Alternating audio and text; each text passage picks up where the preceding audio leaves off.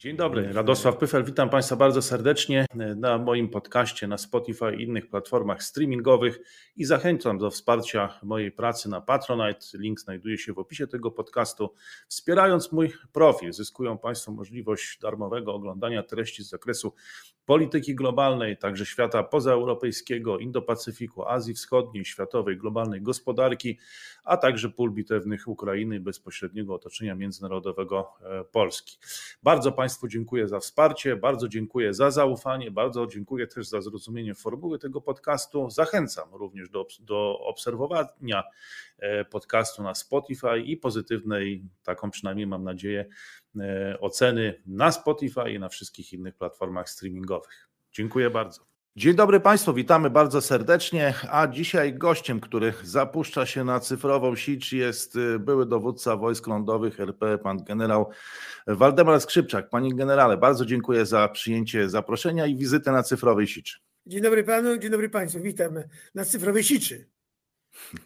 E, panie generale, no z reguły rozmawiamy o e, polach bitewnych Ukrainy i, i, wszystkim tym, co dzieje się wokół frontu i wokół działaniach frontowych, wokół działań wojennych, ale dzisiaj paradoksalnie chciałbym zacząć o, od pytania o Polskę. Jak pan postrzega ten niezwykle silny spór polityczny, który przetacza się przez nasz kraj i to w, w czasie, kiedy świat przeżywa no, wielkie napięcia geopolityczne, nie tylko bliskie u naszych granic, ale właściwie w wielu innych miejscach już e, coraz bardziej.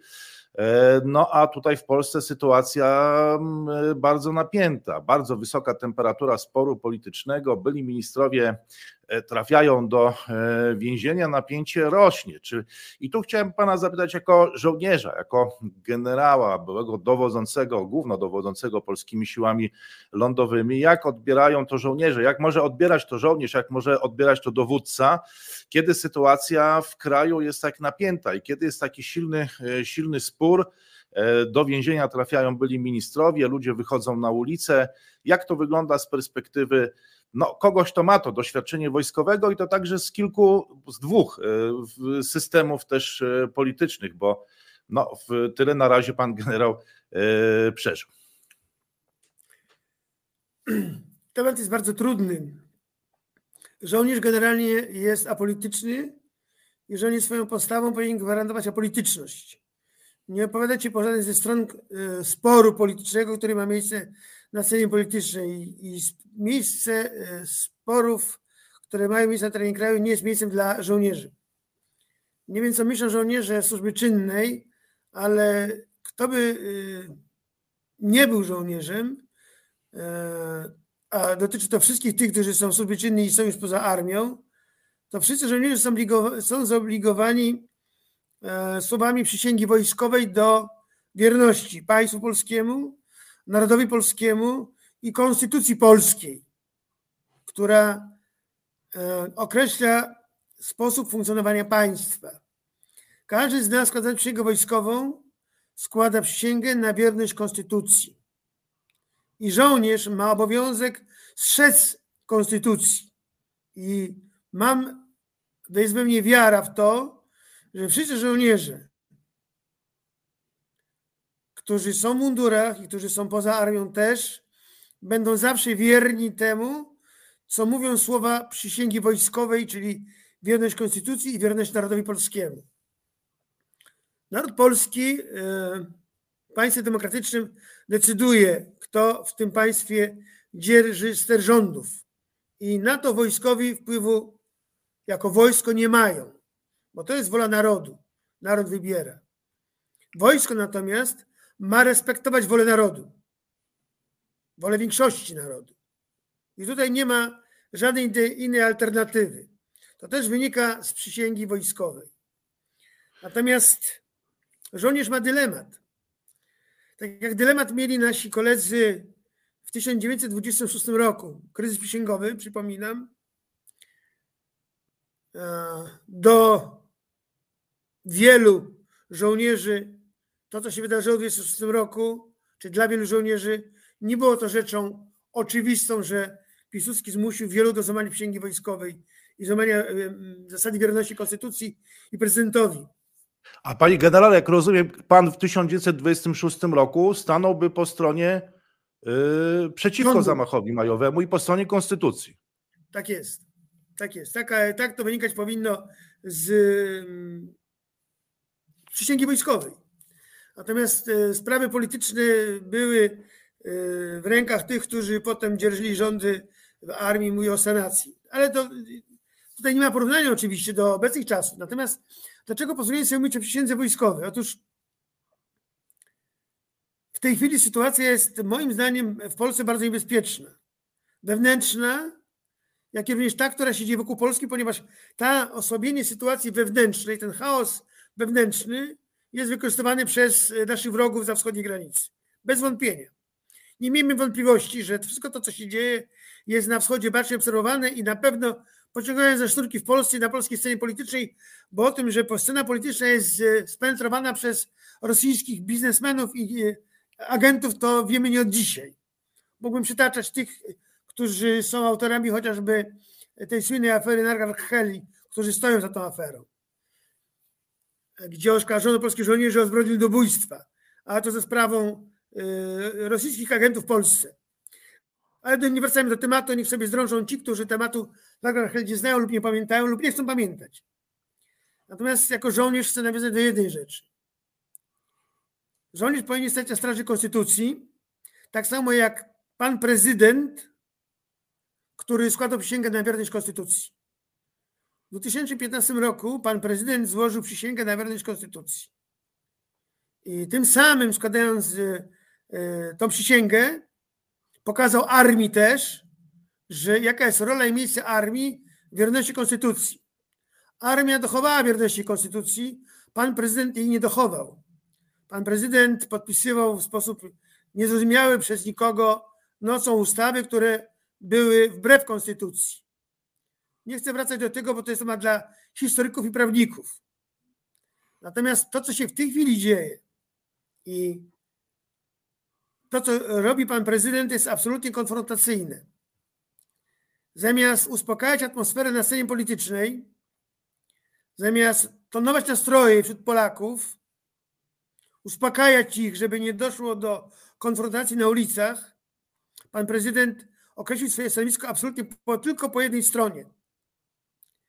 Prowadzi politykę konfrontacyjną, która może doprowadzić do bardzo złych następstw w sporze politycznym, w konsekwencji którego może dojść do, nie wiem, czy zamieszek na ulicach, czy czegokolwiek, ale może dojść do czegoś, co wymknie się spod kontroli i może pan prezydent być sprawcą tego, że będzie miał na rękach krew Polaków.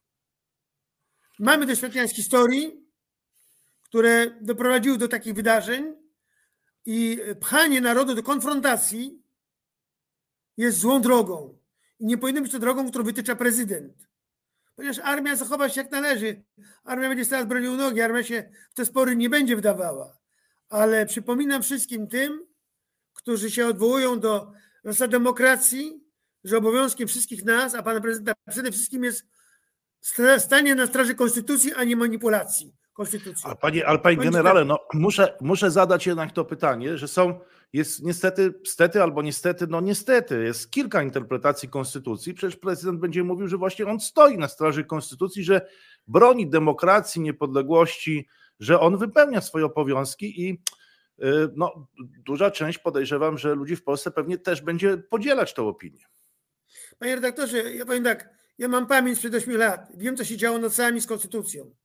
Wiemy wszyscy, co się działo z konstytucją nocami. E, kiedy podpisywane były akty prawne, które są niezgodne z aktami, które są w ogóle niezgodne z konstytucją, więc nie wiem, do czego się tu odwoływać. Warto by wrócić pamięcią i nic więcej. Wie pan, nie chcę tego komentować więcej, ponieważ nie chcę się wdawać w politykę. Natomiast wyraziłem swój pogląd jako żołnierz. Żołnierz stoi na straży konstytucji.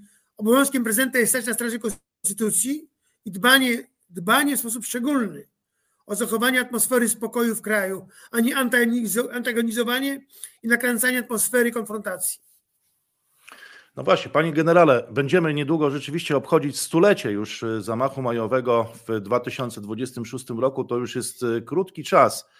E, nieoczekiwanie dzisiaj o tym rozmawiamy, o tym, co było e, właśnie 98 lat e, temu, podobne dylematy. I może na tym poprzestańmy, jeśli chodzi o komentarz dotyczący wydarzeń, wydarzeń krajowych i tego, co się dzieje w Polsce, a dzieje się w czasach no, wielkich napięć geopolitycznych i obserwujemy to chociażby na Ukrainie, która opiera się inwazji rosyjskiej już też prawie dwa lata. Niedługo będzie druga rocznica właściwie obrony Ukrainy przed dużo większym, potężniejszym E, sąsiadem i jak pan e, ocenia obecną sytuację zarówno na froncie, jak i wokół e, pól bitewnych, w której znajduje się teraz w styczniu 2024 roku Ukraina? Znaczy generalnie Rosjanie zbudowali przewagę strategiczną.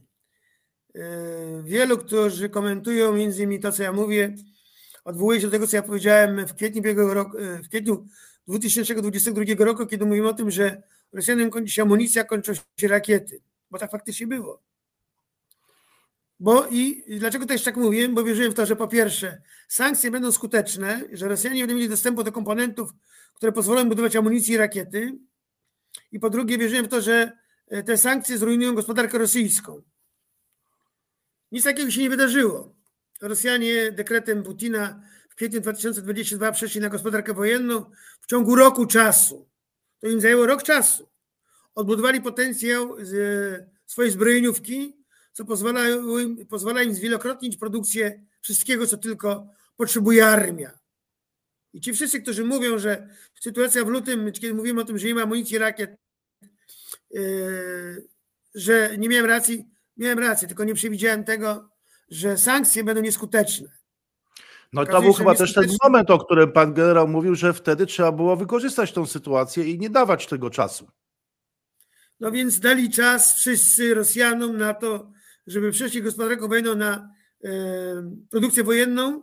Mają komponenty, sankcje są obchodzone, są nieskuteczne. Po prostu, wie pan, ja bym to sankcje nazwał nawet kabaretowe, bo one naprawdę nie dotknęły w żaden niewielki sposób, może dotknęły gospodarkę rosyjską. To konsekwencją tego jest to, że Rosjanie odbudowali swoją przewagę strategiczną.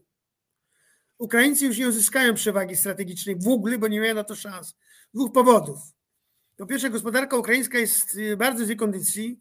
Po drugie, Ukraińcy nie mają żołnierzy już do tego, żeby ich mobilizować na wojnę. Po trzecie, gospodarki zachodnie nie przeszły na strukturę produkcji wojennej. Czyli to, co produkuje Zachód, jest niewystarczające na potrzeby wojny dla Ukrainy. A zatem to, co dostaje Ukraina, to jest kropla morzu potrzeb, aby móc tą przewagę, którą mają Rosjanie, niwelować. Rosjanie odbudowują i ich potencjał będzie rósł. Ja oceniam, że w połowie tego roku Rosjanie już będą mieli taki potencjał, że to, co zdobyli na Ukrainie, Ukraina nie odzyska nigdy, a na pewno nie w wyniku działań zbrojnych, bo Ukraińcy nie mają potencjału, żeby to odbić, czyli wyzwolić okupowane terytoria, a Ukraińcy się powinni obawiać, że Rosjanie mogą pójść jeszcze dalej. Nie mówię o Kijowie, ale mówię o tym, że dojdą do, do, do Dniepru na południu, że dojdą do, zajmą cały Donbas i mogą dojść na kierunku połtawskim jeszcze do Dniepru. Być może jeszcze zajmą Charków, uderzeniami od Białgorodu. A zatem ta wojna to jest wojna zmarnowanych okazji czy szans, e, które to szanse zmarnowaliśmy my na Zachodzie, nie rozumiejąc tego, że im szybciej my Ukrainie pomożemy, tym większa ma szansa na zwycięstwo wobec tego, że wtedy Rosjanie byli w kłopotach, z których wyszli w tej chwili już. I drugie to to, że Ukraina nie ma potencjału w zasobach ludzkich takiego, który mógłby być tym potencjałem, który zapewni Ukrainie przewagę nawet na poziomie operacyjnym. A zatem e, w tej chwili e, Rosjanie mają przewagę strategiczną, wykorzystują ją. Warunki pogodowe na froncie szczęśliwie są tak trudne dla obu stron, że Rosjanie nie mogą prowadzić dużych operacji.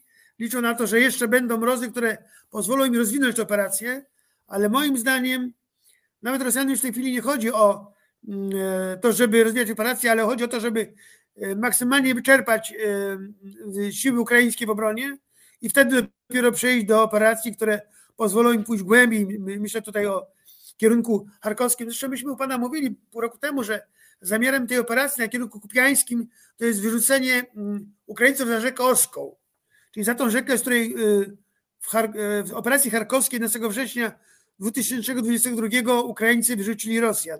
Rosjanie w tym kierunku chcą i wyrzucić za rzekę Oską, która się potem łączy z siewierskim Dońcem, Donem i łączy się już z Morzem Czarnym tam na południu. A zatem generalnie chcą ustanowić taką rubież, która będzie jakby nową granicą, obejmującą tą wschodnią Ukrainę, którą Rosjanie zdobyli, czyli wzdłuż rzeki Oską, Siewierski Doniec i Don, Doniec aż do ujścia do rzeki Morza, do, do Morza Czarnego.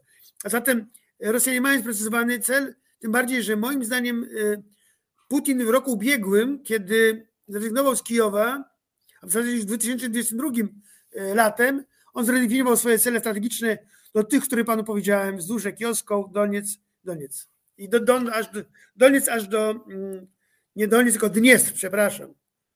Już mi się, przepraszam, proszę wybaczyć, panie redaktorze, wybaczą państwo, chodzi o Dniestr oczywiście.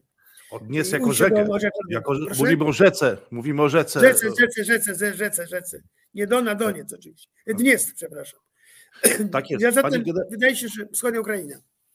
Więc panie generale, no, przewaga strategiczna e, Rosjan, czy też inicjatywa strategiczna jest po ich stronie. E, wojna niewykorzystanych szans. Był moment, że ta inicjatywa strategiczna była po stronie Ukraińców, ale jakoś chyba przespano ten moment. No i teraz pytanie, mm, e, ile czasu w takim razie ma Ukraina? No bo tutaj plan Rosjan, którzy posiadają tą inicjatywę strategiczną, jest jasny. Właśnie pan generał go streścił, to jest to dojście do Dniestru i podporządkowanie tej wschodniej Ukrainy, czy skonsolidowanie tych zdobyczy terytorialnych. Co się zaczyna jednak zmieniać, bo ostatnio zdaje się, że Wielka Brytania e, powiedziała, że jednak udzieli tej pomocy Ukrainie i przeznaczy 4,5 miliarda, już teraz nie pamiętam w jakiej walucie, ale to ta pomoc ma dotrzeć. No gdzieś tam trwają dysputy w innych y, ośrodkach na zachodzie, czy to w Kongresie Amerykańskim, czemu starają się przeszkadzać Węgry, o czym mówiliśmy ostatnim razem, czy, e, czy, czy w Unii Europejskiej, gdzie też e, Węgry przeszkadzają, no ale wygląda na to, że Ukraina nie ma zbyt dużo czasu, z tego co mówi pan generał. Jak to teraz będzie wyglądać, e, bo nie wiem, zmienią się warunki pogodowe, czy tu mówimy o czasie liczonym w tygodniach, czy w miesiącach, czego możemy się spodziewać? Znaczy Ukrainie, jeżeli chodzi militarnie, Ukraina stać stać w tej chwili na obronę. Ukraina nie ma potencjału, żeby przeprowadzić jakiekolwiek operacje. Wie pan, jak czyta się media, to z wydarzenia, z, z wydarzenia które polega na spaleniu 10 czołgów armii rosyjskiej, na e, wystrzeleniu dwóch rakiet do bazy e, morskiej e, na Krymie przez Ukraińców, czy zabiciu 600 żołnierzy armii rosyjskiej robi się wielkie zwycięstwo armii ukraińskiej. Nie zmienia, nie zmienia to niczego na froncie. To propaganda. E, nie robi to na mnie żadnego wrażenia. Nie żyję tymi mediami, tylko patrzę na sytuację operacyjną. Sytuacja operacyjna Ukraińców jest w tej chwili bardzo skomplikowana. Pozostaje im tylko i wyłącznie obrona. I jeżeli nie będą się bronić, to będą tracić kolejne terytoria. Nie o to chodzi. To jest sprawa pierwsza. Druga, potencjału nie mają do tego, żeby prowadzić szerokie operacje, bo nie mają wojska. Nie mają wojska na uzupełnienie strat w brygadach walczących na froncie. Skąd mają wziąć żołnierzy? Jakich nie mają. Trzecie, to zamieszanie, które jest w Kijowie jest bardzo złe, ponieważ e, wszyscy ci politycy, którzy są w Dumie, w parlamencie e, ukraińskim, którzy byli między sprawcami tego, którzy przekonali Putina, żeby najechał Kijów, bo oni czekają na niego, chcą mu dać władzę. Oni teraz podnoszą głowy znowu. W miarę sukcesów na froncie, y, gdzie Rosjanie mają coraz więcej, sukcesów, ci ludzie, którzy byli rzecznikami Putina, podnoszą łby do góry. Takich w Kijowie nie brakuje. I z nimi sobie nie może poradzić ani Zełęński, ani nikt inny. Ale to co, przetrwali przez dwa lata, uchowali się przez te prawie 23 miesiące? Dokładnie tak. Dokładnie tak. Przecież wie pan, ilu jest zwolenników? Pokazałbym pan taką planszę, jak mi przywiózł kolega z Kijowa, pokazał, jak są oni ulokowani, umocowani w polityce i w biznesie ukraińskim. Łącznie z oligarchami. Ludzie powiązani personalnie, towarzysko i rodzinnie z, z Moskwą. Jak to, jak to zobaczyłem, byłem przerażony. O czym rozmawiamy? My możemy dawać im, wie pan, ogromne pieniądze. Proszę pamiętać, że część pieniędzy znika. Tak jak znika część zapasów amunicji. Amerykanie mówią, że 40% amunicji, która wysłana była od nich na Ukrainę, zniknęła, nie wiadomo gdzie. Jak to zniknęła? Ale to ci ludzie związani, rozumiem, z Federacją Rosyjską, gdzieś tam towarzysko, tak, czy biznesowo. Tak. Oni robią swoją robotę. Oni swoją robotę robią, łby podnoszą, kiedy armia rosyjska odnosi na froncie. I to jest niebezpieczne dla Kijowa. Nie sytuacja na froncie, ale to, co się dzieje w Kijowie, z czym sobie Zełenski nie potrafi poradzić. Dlaczego? Nie wiem. Mhm. Tam w tle są no ogromne, ogromne pieniądze, panie redaktorze. To nie jest życie żołnierzy na froncie. Dla nich życie żołnierzy na froncie nie ma żadnego znaczenia. Dla nich czy zginie tysiąc Ukraińców, czy dziesięć tysięcy dla tych ludzi w Kijowie nie ma żadnego znaczenia. Dla nich są ważne pieniądze, które mogą wyciągnąć z gospodarki ukraińskiej i z Zachodu, który Zachód śle im kasy. A Anglicy mówią, że dadzą 4 miliardy funtów, powiedzmy, teraz. Za późno dwa lata. No dobrze, panie generale, no to mamy, e, to mamy jakby tutaj dwa elementy, ten operacyjny i ta ofensywa e, Rosjan i Ukraina, która się broni.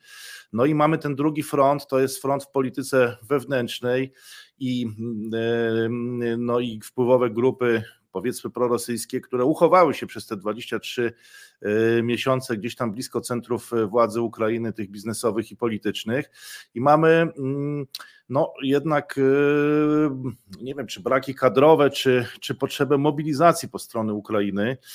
No nie wiem, no zadam takie pytanie, które pewnie nigdzie indziej nie mogłoby paść, ale no, to jest cyfrowa sisza, więc miejsce z dala od, y, go, y, no, od y, gdzieś tam mainstreamu czy realu, ale wiele jest takich dyskusji, gdzieś nawet na uniwersytetach słyszę, czego no, nie, nie ukrywam, że ja trochę sceptycznie do tego podchodzę, ale jestem, ja nie chcę też niczego sugerować jakby w odpowiedzi na, na pytanie, ale jestem ciekaw właśnie opinii pana generała, czy mobilizować kobiety, bo niektórzy mówią, że Ukraińcy za chwilę będą zmuszeni zmobilizować kolejne, mm, kolejnych żołnierzy, no to może kobiety w takim razie na front, ale czy cały system, nie wiem, społeczny też nie opiera się na kobietach, czy nie się nie załamie, jeżeli one przybliżą się do do frontu i też czy to nie wprowadziłoby zamieszania na samym froncie, czy to no, bardziej by nie przeszkodziło niż pomogło. No to są być może abstrakcyjne dla pana generała jako żołnierza dyskusje, ale jestem ciekaw y, opinii.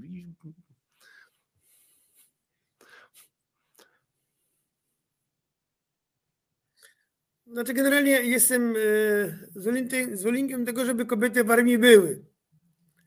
E, kobiety mogą być wyznaczone na funkcje, na wiele funkcji w armii, na których nie muszą być mężczyźni. Myślę tu na oczywiście służbach medycznych, w logistyce, w transporcie, w łączności, e, wszędzie tam, gdzie e, kobieta może z powodzeniem być mężczyzną. I jest wiele takich służb. Natomiast wykluczam użycie kobiet na froncie bezpośrednio w załogach wozów bojowych, w okopach i tak dalej, ponieważ to nie jest miejsce dla kobiet, ponieważ uważam, że kobiety powinny być w tych służbach raczej o charakterze pomocniczym, a nie walczącym.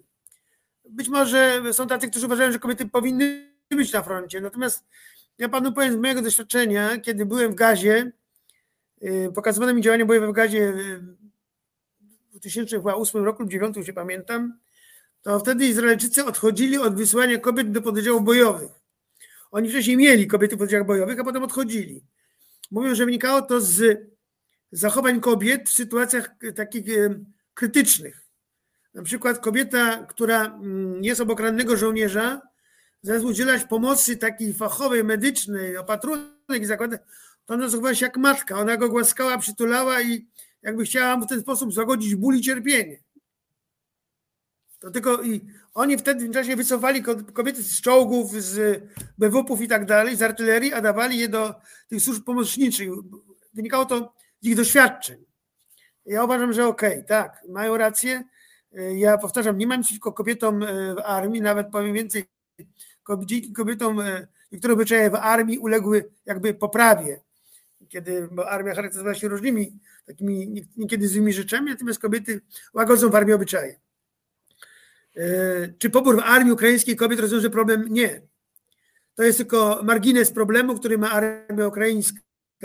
Armia, ma, armia ukraińska ma problem z uzupełnieniem strat e, w jednostkach bojowych wyszkolonymi, dobrze przygotowanymi żołnierzami, ponieważ e, ten dopływ wyszkolonych żołnierzy jest strumieniem bardzo wąskim, nie uzupełnia strat w formacjach bojowych na froncie. A armia ukraińska ponosi duże straty na froncie, podobnie jak i Rosjanie. No, o tym propaganda ukraińska nie mówi, no bo to jest zrozumiałe. Natomiast e, kobiety nie rozwiążą problemów braku żołnierzy w armii ukraińskiej i w związku z tym szukanie rezerwuaru, rezerw osobowych w kobietach jest nieporozumieniem. E, no właśnie, panie generale, to e, znamy już pana opinię e, na ten temat, że tak dla kobiet w armii, no ale bardziej gdzieś w tych służbach medycznych czy logistycznych, może nie w bezpośrednim, no, nie bezpośrednio na polu walki. No ale co teraz może zrobić w takim razie Ukraina? Bo zdaje się, że Rosja będzie chyba jeszcze mobilizować, będzie jeszcze zwiększać, czy też rotować te jednostki, czy chyba nawet E, mobilizować kolejnych e, żołnierzy. Co może zrobić Ukraina w takim razie e, i co pan by zrobił w tej sytuacji, bo pole manewru jest już chyba no, niewielkie. Już mówimy o tym, że kłopoty w polityce wewnętrznej, gdzieś tam i w polityce zagranicznej, to się też pewne rzeczy dzieją za późno. No, co tu można zrobić? Co może zrobić Ukraina? Jaki mogłaby wykonać ruch? W którym kierunku przynajmniej mogłoby to pójść, bo przecież też nie będziemy pewnie tutaj opowiadać o jakichś szczegółach. Znaczy generalnie, y, jak będziemy, jesteśmy przy Rosji, y, Rosjanie mają nowe, coraz to nowe roczniki wchodzą y, w wiek poborowy. I w tym roku wejdzie w rocznik poborowy ponad pół miliona obywateli, tych, których oni identyfikują jako potencjalnych żołnierzy, to mają, mają rezerwuar. Mają skąd brać. Jeżeli oni tego rekruta będą brali teraz w marcu, kwietniu, to ten rekrut trafi jesienią do armii w liczbie co najmniej 200-300 tysięcy wyszkolonego, średnio wyszkolonego rekruta. E, takich zasobów Ukraińcy nie mają. Ukraińcy w tej chwili mają zasoby na terenie kraju wyczerpane, o czym świadczą te łapanki, które, o których mówią media, między innymi ukraińskie. E, natomiast mobilizacja w kraju e, moim zdaniem jest niemożliwa z uwagi na to, że gdyby dokonano mobilizacji, to by sięgnięto po ludzi, którzy są E, operatorami e, lokomotyw, operatorami koparek w fabrykach, kopalniach, górników, po wszystkich tych, którzy w tej chwili jakby podtrzymują funkcjonowanie gospodarki e, ukraińskiej. Więc to jest ten zasób, który, po który jakby sięgnięto, to by sparaliżowano Ukrainę, jeżeli chodzi o gospodarkę i przemysł ukraiński. Zasoby, które są, które są dostępne, to są zasoby wśród migrant, migrantów ukraińskich, którzy są poza granicami kraju. Polsce, w Niemczech i tak dalej, w Estonii, o czym te rządy mówią, o czym ja mówiłem u Pana bardzo dawno o tym, że to są zasoby, które trzeba sięgać. Zawsze przywołuję tutaj Sikorskiego, premiera naszego rządu, który w 1939 roku zawarł porozumienie z rządem francuskim na formowanie armii polskiej we Francji w oparciu o polskich migrantów. Emigrantów, którzy byli we Francji, którzy pracowali od lat 20., 30. we Francji. I rząd francuski zgodził się na to, żeby rząd polski, do sobie pana premiera Sikorskiego, powoływał obywateli tych emigrantów polskich we Francji do armii polskiej i w tym momencie rząd francuski rezygnował z powołania tych obywateli do armii francuskiej. Bo oni generalnie, będą emigrantami, mieli obowiązek stawić się do armii francuskiej, ale rząd polski ma z nimi porozumienie, że będą kierowani być do armii, mogą być kierowani do armii polskiej. Sikorski dzięki temu budował 80-tysięczną armię polską we Francji. Która się czyli, czyli, wynika, czyli, czyli jest pan generał zwolennikiem takiego rozwiązania, żeby rząd polski powoływał Ukraińców, którzy są na terenie Polski, ale nie do armii polskiej, ale ukraińskiej. Czy to mogłoby pójść w tym kierunku? Zdecydowanie. No tak, no bo do armii polskiej miejsca na nich nie ma. Nie ma takiej opcji w tej chwili. Natomiast chodzi o to, tylko że widzi pan, problem powinien być inny. Y, problem jest y, moim zdaniem tkwi w Kijowie. To Kijów powinien podjąć inicjatywę. Ja to mówię od roku czasu. Brak jest inicjatywy z Kijowa, żeby takie działania rządy podjęły. A dlaczego nie podejmują tej inicjatywy? Bo, bo to nie może przejść przez Werchowną Radę. Zdaje się, że tam ostatnio była nawet dyskusja na ten temat i nie przechodzi to. Znaczy, generalnie moim zdaniem, moim zdaniem właśnie blokują ci, którzy są zwolennikami y, Moskwy. Te łby, co podnoszą, co powiedziałem wcześniej. Oni są zwolennikami tego i to blokują w Kijowie. Natomiast w konsekwencji takiego porozumienia rządowego między Polską a e, Warszawą, znaczy między Kijowem a Warszawą, czy Kijowem a Berlinem, było to, że na terenie Polski by powstały biura rekrutacyjne ukraińskiej armii, które by rekrutowały tych ludzi. My byśmy jako rząd zezwalamy na to i kto wie, czy byśmy się nie wkomponowali w system szkolenia tych rekrutów i wysłali ich na Ukrainę. Ale to no musi być porozumienie to... rząd-rząd. Jeżeli inicjatywy rządowej z Kijowa nie ma, to nie ma, o, nie ma o czym rozmawiać. No tak, no bo rzeczywiście Kijów się na to nie decyduje, to nie może gdzieś tam przejść w Werchownej Radzie, więc tematu y, nie ma. No ale no jednak jeszcze zadam jedno pytanie, które tego dotyczy. Gdyby, gdyby to przeszło, gdyby Kijów się zdecydował, czy gdyby tam powstał jakiś konsensus dla tego rozwiązania, to jak technicznie by to wyglądało? Czy to y, polskie władze, nie wiem, kto by, kto by tych ludzi mobilizował? Czy żandarmeria wojskowa, czy specjalne jednostki, czy, czy mm, mm, jakby to mogło wyglądać? Teraz oczywiście. Znaczy, wie pan, to byłby nabór ochotniczy. Nie. Nasze organa, czy tam pan wspomniał, milicja, czy policja, czy żandarmeria, ktokolwiek nie miałby prawa się angażować. To jest prawo Ukraińców. Natomiast nasza administracja publiczna powinna udostępnić informacje, gdzie są Ukraińcy. Bo oni powinni być zarejestrowani, powinni wiedzieć o ich ruchach, gdzie są na terenie kraju.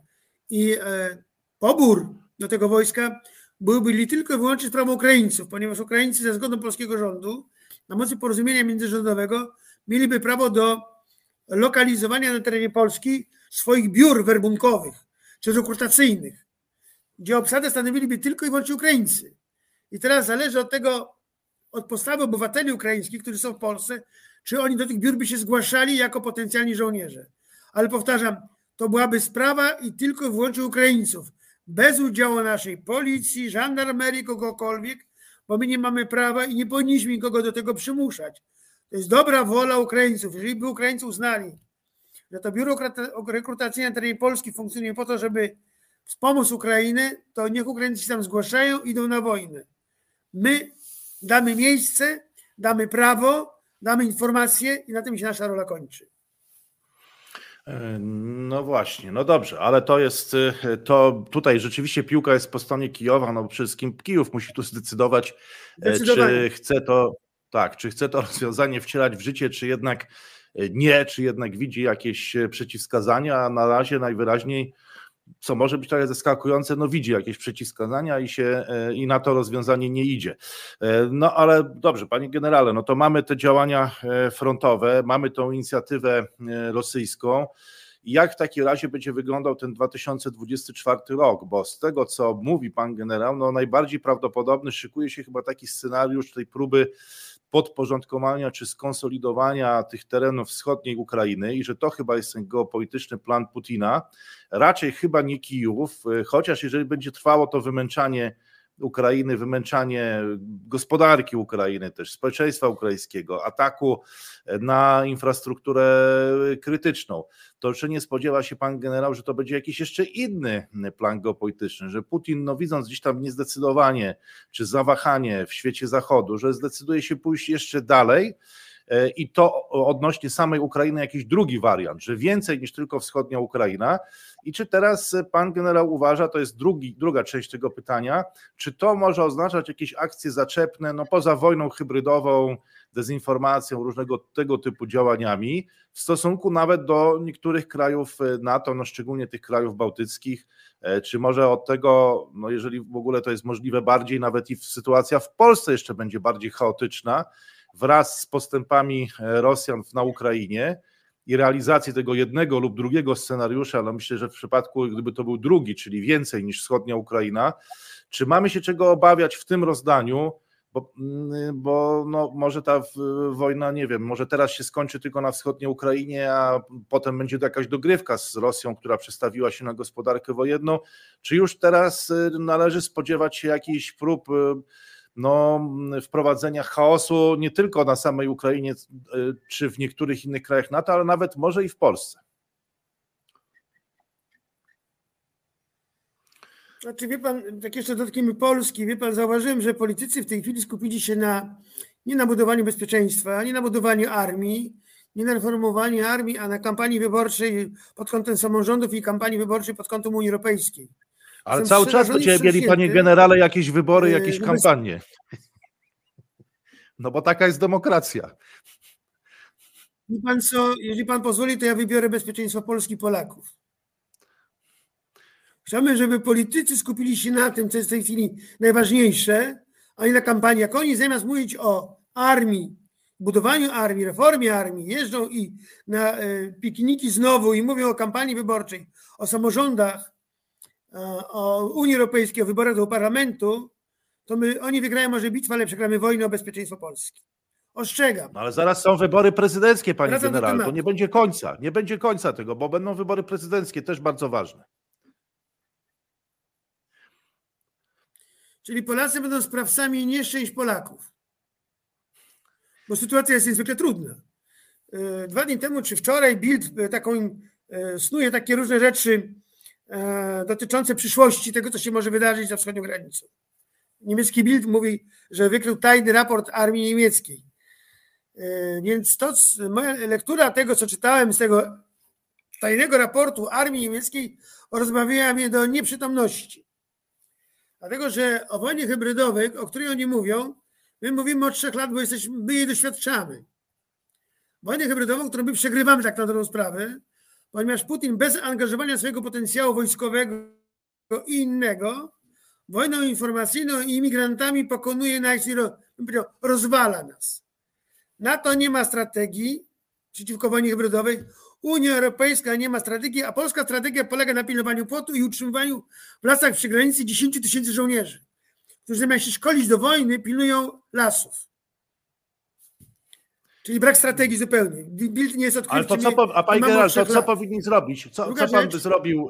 e, Co pan by zrobił, żeby to balansować? E, Szkoliłby pan ich, czy bo nie wiem, czy Znaczy, wie pan co, ja uważam, że był czas na to, żeby wojsko wróciło do, na poligony i się szkoliło do wojny. Wchodzi nowy sprzęt w dużych ilościach, to wojsko powinno się szkolić. Wyszkolenie brygady pancernej z mechanizmowaniem to jest nie to, co oni mówią teraz ci fachowcy od wyszkolenia wojskowego, 16 dni w OT. Wie pan, jeżeli ktoś mówi, że wyszkoli żołnierzy na wojnę w 16 dni, to nie pogada z tymi, co walczą na froncie ukraińskim, jaki jest, wśród kogo są największe ofiary. Wśród tych szkolonych 2-3 miesiące. Giną jak muchy na froncie. A ci, którzy są na szkoleni długo i przechodzą już ten, ten rytm bojowy, to oni na wojnie wygrywają, przeżywają. Tylko, że widzi pan, u nas w armii już nie ma szkoleniowców, którzy się na szkoleniu znają. Bo szkolenie to nie jest certyfikacja według natowców. To jest cały cykl, proces szkolenia, gdzie żołnierze przychodzą wszystkie tematy. Od natarcia przez obronę, przez działania obronopóźniające, przez wszystkie tematy, które mogą zrobić, to jest trzy lata. Zgrywania bojowego brygady pancernej, zmechanizowanej. A oni, wie pan, dwa miesiące kompanii czołgów w Abramsach wyszkolą z taktyki. Chciałbym to móc sprawdzić i gwarantuję panu, żebym obśmiał ich jak norka, tych ekspertów od szkolenia. Tak przy okazji, bo się zajmowałem całe życie szkoleniem. Wie pan, e, wracając do tematu jeszcze tego 2024 roku. Otóż e, Niemcy mówią o tym, że jest takie zagrożenie, że może być Przybałtyka zaatakowana. Nie wykluczam. Mówię to też od dawna, że najsłabszym elementem w strukturze obrony NATO na wschodniej flance jest Łotwa. Mniejszość rosyjska jest tam przewadze. W Dyneburgu mieszka 80% Rosjan. Gdzie jest lepsze pole do uprawy, jakie tam? Jeżeli Rosjanie bez, bez e, interwencji zbrojnej wejdą na, e, na Łotwę, no to mamy problem. Nawet jeżeli by, bo ja, jeżeli chodzi o konfrontację NATO-Rosja wielkoskalową, wykluczam. W ciągu najbliższych pięciu, sześciu, może więcej lat. Nie będzie takiej konfrontacji wielkoskalowej. Natomiast e, ograniczona, owszem, tak. I to dotyczy Przybałtyki w mojej ocenie, ewentualnie Mołdawii. Zaniedbanej przez i przez Unię Europejską Mołdawii. Mówimy też od dwóch lat. Patrzmy na Mołdawię. Ona jest ważna dla nas też. Dla Rumunii, dla Polski, dla wschodniej flanki. Nic Unia nie robi. Więc miękkie podbrzusze w NATO to jest oczywiście Łotwa. Jeżeli tam jakiekolwiek działania by podjęli Rosjanie, nawet ograniczone militarne, to zawsze będą w przewadze i osiągną swoje cele. Przejęcie władzy przez prorosjan w Łotwie, co nie jest wykluczone, powoduje to, że parlament łotewski nowo prorosyjski pierwszą decyzją będzie wychodzimy z NATO. I to będzie początek końca NATO na wschodniej flance NATO. Nadal moim zdaniem ta flanka jest zaniedbana przez NATO. E, Wilno nie pokazało nic. Wilno mówiło o 300 tysiącach żołnierzy w zorganizowanych formacjach bojowych. Proszę mi wskazać chociaż jedną taką, która jest gotowa. Generalnie armie NATO, Polska też są w rozsypce. nie mamy zwartych, silnych komponentów bojowych, gotowych do bojowego życia, w pełni ukompletowane zgranym bojowo. Na gwizdek. Nie mamy. Nie mamy systemu mobilizacji, nie mamy systemu szkolenia rezerw. No bo jeżeli nie mamy rezerw, to kogo mobilizować? Emerytów i rencistów generalnie i tych, którzy chodzi szkolić są w wymiarze roku w liczbie 200 tysięcy na trzydniowych szkoleniach. Przecież to nie są rezerwiści. Pamiętam też żołnierz rezerwy. To jest taki żołnierz rezerwy, który jest wyszkolony na danym sprzęcie wojskowym. Na przykład w artylerii mamy w, powiedzmy w dywizjonie dwie baterie rozwinięte w czasie pokoju, a jedna bateria jest z rezerwy. I ci rezerwiści w tej baterii to są kierowca kraba, to jest działonowy kraba, celowniczy kraba, dowódca kraba. Czyli są żołnierze, którzy są tak samo wyszkoleni lub co najmniej tak samo jak ci, którzy są wyszkoleni jako żołnierze zawodowi. Czyli są rezerwiści profesjonaliści, a nie ci, których oni szkolą pięć dni w koszarach, dają mu jeść i strzelić z grota raz. Mylone są pojęcia. Panowie, którzy odpowiadają za przygotowanie rezerw, nie rozumieją istoty przygotowania rezerwisty. My nie mamy rezerw. A jeżeli oni mówią 200 tysięcy przeszkolą w roku, to robią to kabaret i marnują pieniądze podatnika. To powinien mieć naganne i za to powinien minister rozliczyć tych, którzy tak kombinują. Bo cyframi się nie nadrobi braku zdolności bojowej. No właśnie, Teraz, panie y, generale. No, to miękkie A, dobrze, to jeszcze, to, jeszcze mamy kilka wątków, tak. Mhm. Ten, to miękkie podbrzusze NATO jest y, bardzo niebezpieczne dla nas, bo moim zdaniem, jeżeli by do tego doszło, to był początek końca lata, jak powiedziałem, tam na wschodniej flance, ale to zagroży nam Polsce. I powinniśmy się, my teraz, kiedy jest nowy rząd, uważam, że jest czas na to, żeby dokonać dwóch zasadniczych rzeczy skonsolidować działania dla wzmocnienia flanki wschodniej i Przybałtyki w szczególności. Druga rzecz to zrobić porządek z kolaborantami w NATO i w Unii Europejskiej. Mam na, mam na myśli tutaj i Węgry, i Słowację. Albo z nami, albo won. Przepraszam za wyrażenie. Nie wolno, żeby w naszej strukturze byli kolaboranci Moskwy, którzy blokują wszystko. Już pomijam fakt, że Kolaboracja A pani general, to nie pogorszyłoby sytuacji, gdyby jakiś teraz Niemcami, okazało się, że mamy prorosyjskie państwa w Europie Środkowej? Czy i tak już mamy? Znaczy, wie pan, może nie prorosyjskie państwa, ale mamy pro, ale kolaborantów, którzy kolaborują z Rosją. Przypomnę, Słowacy nas najechali w 1939 roku razem z Niemcami. Też kolaboranci. Zacznijmy mówić ostrym, twardym językiem, na argumenty dość tego rozpasania w ramach Unii Europejskiej i NATO, które nam funduje Fico i Orban. Albo wygonić ich od nas, pozbawić ich współpracy możliwości z nami, albo gućmy się na to, że w naszej strukturze są kolaboranci, którzy rozsadzają nas od wewnątrz. Jestem zwolennikiem konsolidacji bez Węgier i, i Słowaków jak trzeba. Oni są nam niepotrzebni. Jeżeli dalej taką politykę będą realizowali. E, teraz wie, wie pan, jaka jest perspektywa? E, są trzy warianty zakończenia wojny w, Ros- w Ukrainie.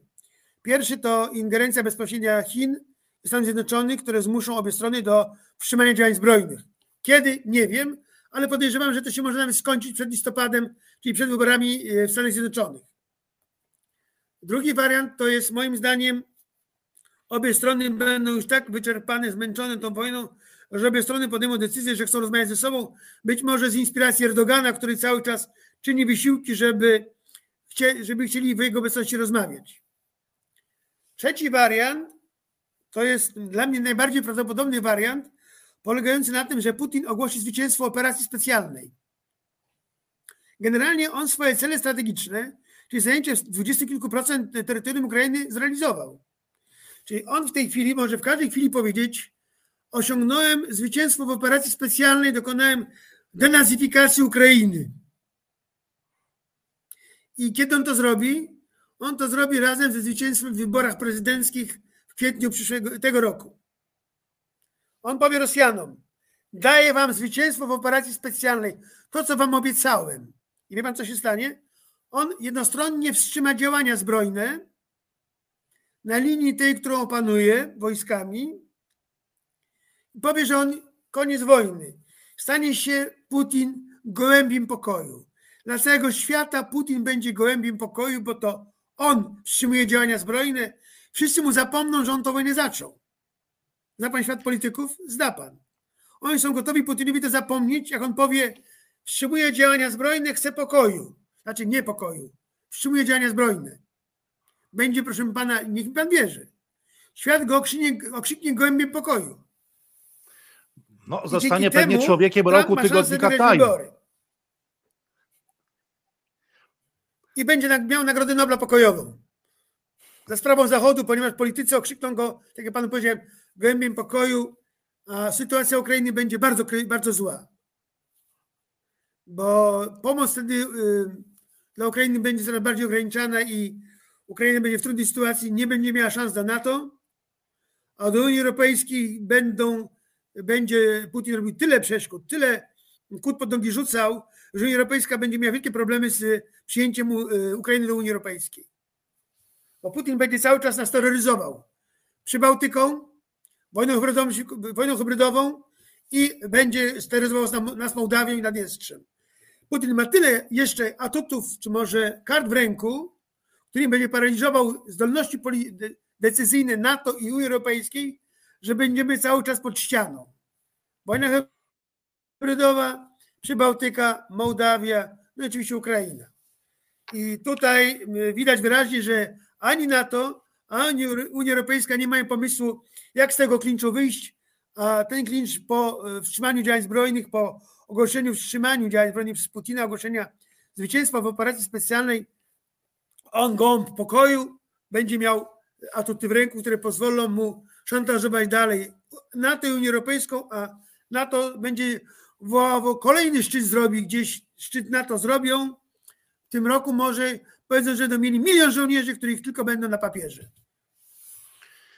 No, bardzo to ciekawe, panie generale. I tak zbliżając do y, konkluzji y, i podsumowując to tymi trzema scenariuszami, o których pan generał wspomniał, czyli jedno to jest możliwość jakiegoś zamknięcia tych działań wojennych pod wpływem czy pod presją y, mocarstw Stanów Zjednoczonych i Chin, to scenariusz numer jeden. Dwa to totalne wycieńczenie obu stron.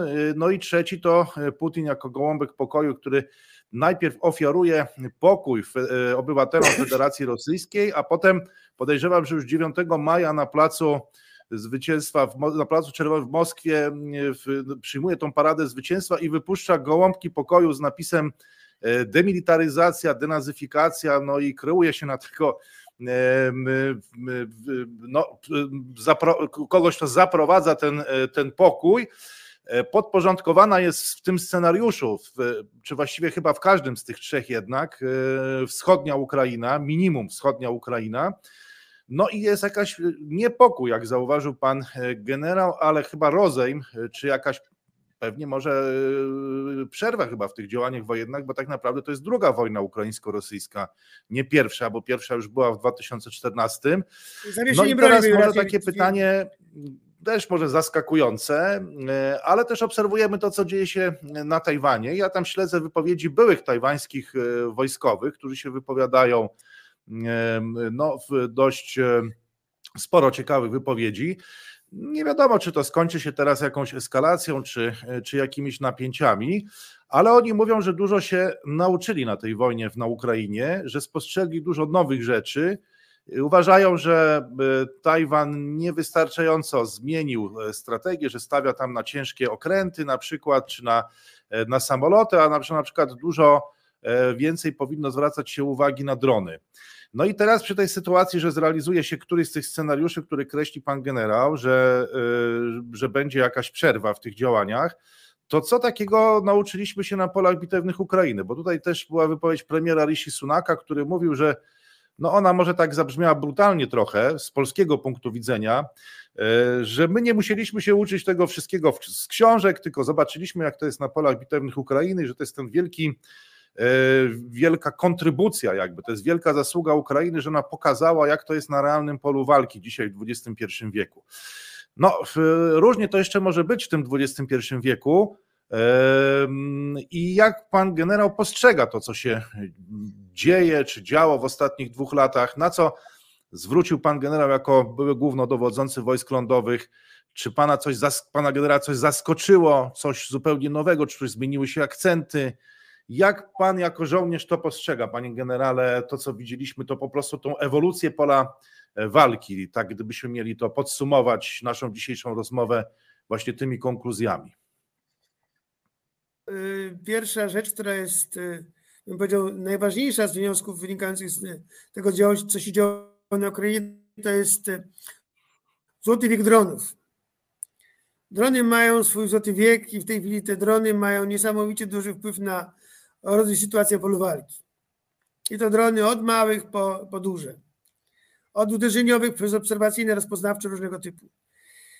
E, natomiast jeśli chodzi o pole walki, nadal e, niektórzy wieszczyli zmierzch czołgów. Okazuje się, że czołgi po obu stronach odegrały znaczącą rolę i w związku z tym trzeba e, tą broń pewnie rozwijać i doskonalić. Natomiast kluczową sprawą to jest to, że ciężkiemu sprzętowi pancernemu, który jest na polu walki, trzeba się stworzyć środowisko walki. To już nie jest to, że czołg można wysłać, czy kompanię czołgów, czy batalion czołgów, który przyłamie obrony przeciwnika, ponieważ przeciwnik dysponuje środkami, którymi może te czołgi spokojnie, swobodnie, bez problemów niszczyć. A zatem czołg, wóz bojowy musi mieć środowisko walki polegające na tym, że ten czołg jest cały czas bezpieczny przed bronią przeciwnika. Co mógł, kto ma to środowisko zapewnić? Inne rodzaje wojsk. Artyleria, która ma bezwładnić obserwatorów i strzelców mm, przeciwpancernych pocisków kierowanych przeciwnika, ma ich ogłuszyć, ma ich y, pozabijać, zniszczyć. To piechota, która wy, y, wybija tych, którzy mogliby temu czołgowi zaskoczyć, to zaszkodzić, to obrona przylotnicza, który ten czołg chroni przed śmigłowcami, rakietami różnego typu. Czołg wtedy jest dobrym narzędziem walki, ale powtarzam, czołgowi trzeba stworzyć środowisko walki, które ten czołg będzie chroniło przed zniszczeniem. Bo czołg jest dobrym narzędziem w kategoriach tego, że dysponuje potężną armatą 120, która ma niezwykle dużą skuteczność na dużą odległość. I inne tego typu narzędzia, tak żeby w przypadku działań zaczepnych głównie ten sprzęt spełniał swoją misję, swoją rolę. I druga rzecz, bardzo ważna, to wnioski wynikające z dowodzenia. O ile na początku wojny Rosjanie stosowali zasadę dowodzenia scentralizowanego i mieli dowódców, którzy byli sparaliżowani w dowodzeniu, bo nie byli zdolni do podejmowania samodzielnych decyzji na poziomie taktycznym, to w tej chwili wszystkie armie walczące na froncie takie wnioski wyciągnęły i to dowodzenie jest zdecentralizowane i każdy dowódca może podejmować samodzielne decyzje na poziomie taktycznym. Trzecia rzecz to grupy bojowe na poziomie taktycznym muszą być skonfigurowane zupełnie inaczej. Wszystkim tak, że to nie jest jednorodna batalionowa grupa bojowa, gdzie są głównie czołgi czy BWP, czyli batalion czołgów czy batalion zmechanizowany, tylko jest to mieszana grupa bojowa, która ma zdolności do prowadzenia działań autonomicznie, czyli w pełni suwerenna, mająca wszystkie e, elementy zdolne do prowadzenia walki, to co powiedziałem wcześniej, do zapewnienia tego środowiska walki. Czyli tam są wszystkie rodzaje wojsk, które tej grupie bojowej zapewniają pełną autonomiczność przyrodne po 58 wozów, 4 kompanie, mieszane pododdziały bojowe, gdzie jest cały konglomerat wszystkich pododdziałów rodzaju wojsk, które stanowią y, ten y, element, który zapewni tą autonomiczność, a jednocześnie to środowisko walki. Tak jak kiedyś w strukturach polskiej armii były pułki czołgów, dywizjach zmechanizowanych czy pancernych, które gdzie było pięć kompanii czołgów, był pododdział ten, który wspierał i osłaniał y, te pododdziały czołgów walczące i one moim zdaniem wtedy spełniały swoją misję. Ale to historia, która, która, której byłem uczestnikiem kiedyś ale wtedy myślano o tej autonomiczności przez to, że struktura takim pułku czołgów, poza tym, że miały 5 kompanii czołgów po 16 wozów, czyli 80 wozów, miały jeszcze pododdziały rodzaju wojska, rozpoznawcze łączności, obrony przeciwniczej, saperów, i piechota była jeszcze, które generalnie wszystkie te pododdziały działały na rzecz tych pododdziałów czołgów i ta suwerenność, autonomiczność była właśnie przez to zapełniona. I to jest kolejny wniosek, który powinien nam służyć do tego, żeby budować nowe struktury polskich mm, wojsk lądowych, bo jak zauważyliśmy e, i wiemy to na pewno, to, to e, nasze wojska, jeżeli będą działały w przyszłej wojnie, to głównie będą działały w domenie lądowej. Tak jak to ma miejsce na Ukrainie. W związku z tym do tego się powinniśmy przygotować i to jest główny wniosek, że musimy dokonać e, jakby zupełnie innego podejścia, innego zrozumienia istoty pola walki w domenie lądowej w kontekście doświadczeń właśnie płynących z Ukrainy, ale to jest wyzwanie przed tymi, którzy powinni przystąpić natychmiast do tej reformy w polskiej armii. No właśnie, panie generale, mamy o czym rozmawiać, e, mamy materiał do e, przemyśleń, bo sporo rzeczywiście dzieje się, wydarzyło się i nadal dzieje się na polach bitewnych Ukrainy. Zobaczymy, jak sytuacja będzie rozwijać się w najbliższych miesiącach. Zobaczymy też, jak to będzie w Polsce, od której dzisiaj zaczęliśmy naszą rozmowę. E, bardzo dziękuję. Proszę Państwa, dzisiaj gościem cyfrowej siczy i człowiekiem, który odważył się na nią zapuścić, był e, generał i były dowódca wojsk lądowych RP, generał Skrzypczak. Bardzo dziękujemy za przyjęcie zaproszenia i za ciekawą rozmowę. Bardzo panu dziękuję. Państwu życzę spokoju i wydaje mi się manewrować jakiekolwiek spory polsko-polskie, ponieważ naszym najważniejszym wyzwaniem to jest nasze bezpieczeństwo, bezpieczeństwo naszych rodzin, naszych dzieci, nas wszystkich. O to dbajmy. Dziękuję bardzo. Dziękujemy.